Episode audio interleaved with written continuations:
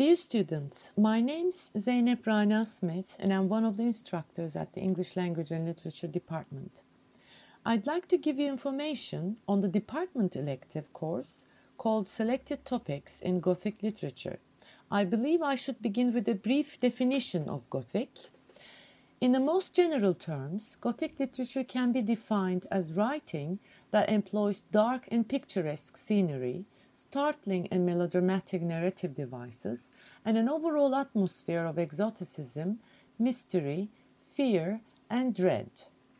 Often, a Gothic novel or story will revolve around a large ancient house that conceals a terrible secret or serves as the refuge of an especially frightening and threatening character.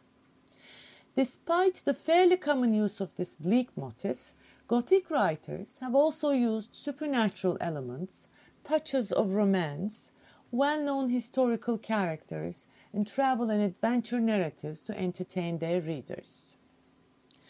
Now, in this course, we will be surveying the Gothic literature from its late 18th century origins through to the end of 19th century. We will also concentrate on the great works of Gothic which are central to an understanding of early Romanticism and literature, film, and popular culture today.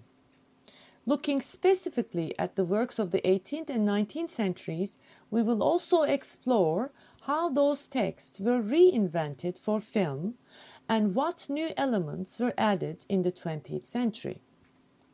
Even though at the beginning it was seen as a passing vogue, the Gothic has had a curious staying power for about 250 years and it continues to fascinate readers and viewers of the 21st century. So I hope you will choose this course and have a very enjoyable semester with me. I wish you all the best and hope to see you in my class.